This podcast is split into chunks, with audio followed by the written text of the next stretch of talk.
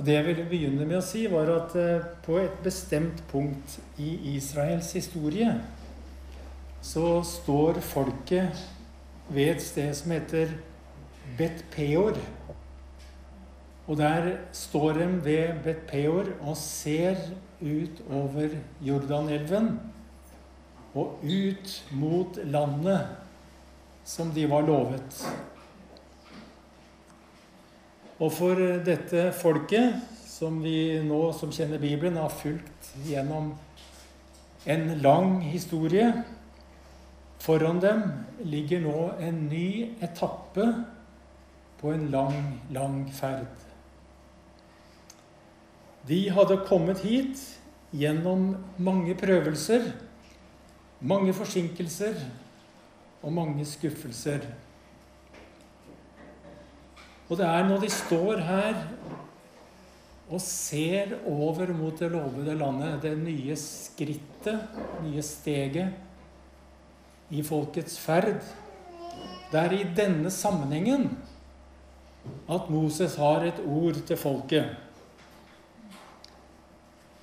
Og det ordet, det gjentar for så vidt Moses eh, mange ganger gjennom sine bøker, eller gjennom Mosebøkene. Og det ordet som Moses hadde til folket der og da, det var 'husk'. Husk at du selv var slave i Egypt, da Herren din Gud førte deg ut derfra med sterk hånd og utstrakt arm. Det var Moses, eller Guds ord til folket i denne sammenhengen. Nå er det vel sånn at alle bibelske analogier eller sammenligninger har sine begrensninger. Allikevel, apostelen Paulus skriver at det som hendte dem, hendte med dem, altså Israel, ble skrevet til rettledning for oss.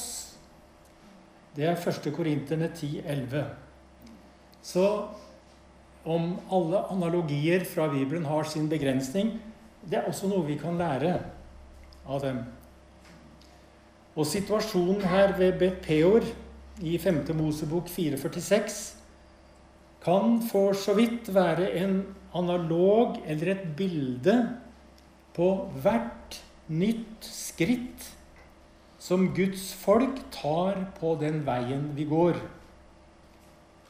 Og Da kan også den påminnelsen som Moses her kommer med, og som han stadig gjentar. Husk den dagen da dere dro ut av Egypt, av slavehuset. Husk den dagen, gjentar Moses. Husker du av og til på hvor du kommer fra? Vi kan selvfølgelig innvende at Paulus også skriver at han glemmer det som ligger bak, og strekker seg mot det som ligger foran. Det er fra Filipperne 3, 13. Men om vi skal glemme eller huske, er altså til en viss grad situasjonsbetinget. Husk! Det var i hvert fall et ord til Israel der de sto innenfor nye skritt. De sto for nye skritt mellom slaveriet og det lovede landet. Mellom det som hadde vært, og det som kommer. Og nå, i det øyeblikk da disse ordene ble uttalt, da var det nye landet innenfor synsvidde. Og det er et utsatt sted å stå. Her har også sammenligningen sine begrensninger. Men med et nytt landskap kommer det nye utfordringer. Og med et nytt landskap møter det oss nye fiender. Og det kan være lett å miste motet innenfor de nye utfordringene. Og det kan være besnær, besnærende å tenke tilbake på kjøttgrytene i Egypt Eller med andre ord at alt var mye bedre før. Men det er to grunner til å huske hvor vi kommer fra. For det første at vi skal ha empati og sjenerøsitet med den som ikke kjenner friheten og nåden i Kristus Jesus. Husk at du selv har vært slave i Egypt. Og hvis ikke det og hvis, ikke, og hvis det ikke ene og alene var for Guds nåde, så ville hver og en av oss fremdeles være slaver i Egypt. Husk Husk, folkens. Husk at du har vært undertrykt. Husk at du var bundet av sterke krefter. Husk den veien du har gått i ødemarken. Minne om hvor vi kommer fra, skal være som et løfte i vårt hjerte om at befrielsen er reell. Befrielsen er virkelig. Jeg har ikke alltid vært fri fra de krefter som slavebinder og undertrykker. Jeg har ikke alltid hvilt i nåden. Herren har ikke alltid vært min hyrde. Jeg har ikke alltid drukket av kilden med det levende vannet. Og jeg har ikke alltid vandret på rettferdighetsstier. Men bare gjennom å huske hva jeg var, kan jeg erkjenne hva Gud har gjort i mitt liv, og hva jeg har blitt. Paulus visste at til frihet har Kristus frigjort oss. Det er fra Galaterne 5.1. Og Paulus han henviste påfallende ofte til sitt eget fangenskap. F.eks. fra Galaterne 1.13, hvor han sier dere har jo hørt hvordan jeg tidligere for fram, og hvor voldsomt jeg forfulgte Guds kirke og forsøkte å utrydde den. Paulus ville ikke glemme, og han lot heller ikke andre glemme. Han ville ikke at noen skulle sette ham på en pidestall, for Paulus, han visste hvor han kom ifra.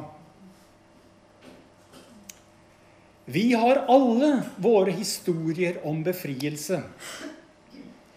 Og for de aller fleste av oss må jeg si, den pågår ennå. Men vi skal ikke glemme de lenkene som bandt oss. Selvsagt, vi behøver ikke drukne i minnene. Det skal vi ikke. Eller snakke om det i det vide og breie. Men vi kan vitne om at vi har vår borgerrett i himmelen. Men vi glemmer ikke hvor vi kommer fra. Og vi glemmer ikke hvilke ødemarker vi har ferdes i. Men på den måten så kan vårt eget fangenskap munne ut i vår lovsang. Det fins en annen grunn til å huske. Og det er som nevnt at det nye landet også vil inneholde kamper og fristelser. Og En katolikk som heter Erik Varden, han skriver Israels folk tvilte på Guds nærvær ved middagstider. Selv, selv om de hadde opplevd Hans nåde om morgenen. Og han beskriver den gift som kan gjøre størst skade på det åndelige livet nemlig utakknemlighet. Når da den store dagen var kommet hos israelsfolket, hvor de skulle krysse elven, da formante Josva folket om å holde øynene festet på pakkisten, som minnet dem om Guds omsorg. Vi må minne hverandre om å holde øynene festet på Jesus, på hans kors, der han ga sitt liv for oss og forløste oss fra fangenskapet. Og Josva sa til folket, fordi dere aldri har gått den veien før, så måtte de holde øye på øynene på pakskisten. De var i en situasjon da de måtte gå opp nye løyper. Det kan være en analog til den situasjonen vi er i, i hvert fall. Og Josva formaner folket og sier, 'Gjør dere rene og hellige'. Eller som det står i den gamle oversettelsen, 'Hellige dere', for i morgen vil Herren gjøre under blant dere. Men hva betyr det da å hellige seg? Jeg tror at det enkelt sagt betyr å hellige seg betyr å, å bekrefte min overlatelse til Gud. Å bekrefte at mitt liv skal være satt til side for Han. Hellige dere, sier Josfa. Det betyr å gi mitt liv på nytt til Guds vilje. Innenfor en ny dag, innenfor en ny situasjon. Kan dette punktet ved Bet Peor bli til en ny innvielse og overlatelse til Jesus. Vi har vårt Bet Peor. Kan det bety noe for oss? At vi kan hellige oss og gi vårt liv til Herren på nytt? Vårt oppdrag som kristne og som menighet er å bygge bro mellom Jesus og lengtende mennesker. Og det er mange måter å gjøre det på. Og om vi klarer det, det vet jeg ikke. Det jeg vet, er at vi må forsøke. Fordi vi tror og vet at alle mennesker er søkt. Ja, alle mennesker er oppsøkt av Gud. Også i vår egen tid. Også i vår egen by. Og vi vet at alle mennesker vi møter, bærer på et vagt minne om Guds opprinnelige kjærtegn. Derfor må vi ikke glemme vårt eget personlige slaveri i Egypt. Og vi må si til vårt eget hjerte og si til oss selv Vi som før var langt borte, har kommet nær på grunn av Kristi blod. Glem ikke, folkens, hvor vi kommer fra. Glem ikke at vi alle har vært slaver i Egypt, og at vi eier vår frihet i Kristus Jesus.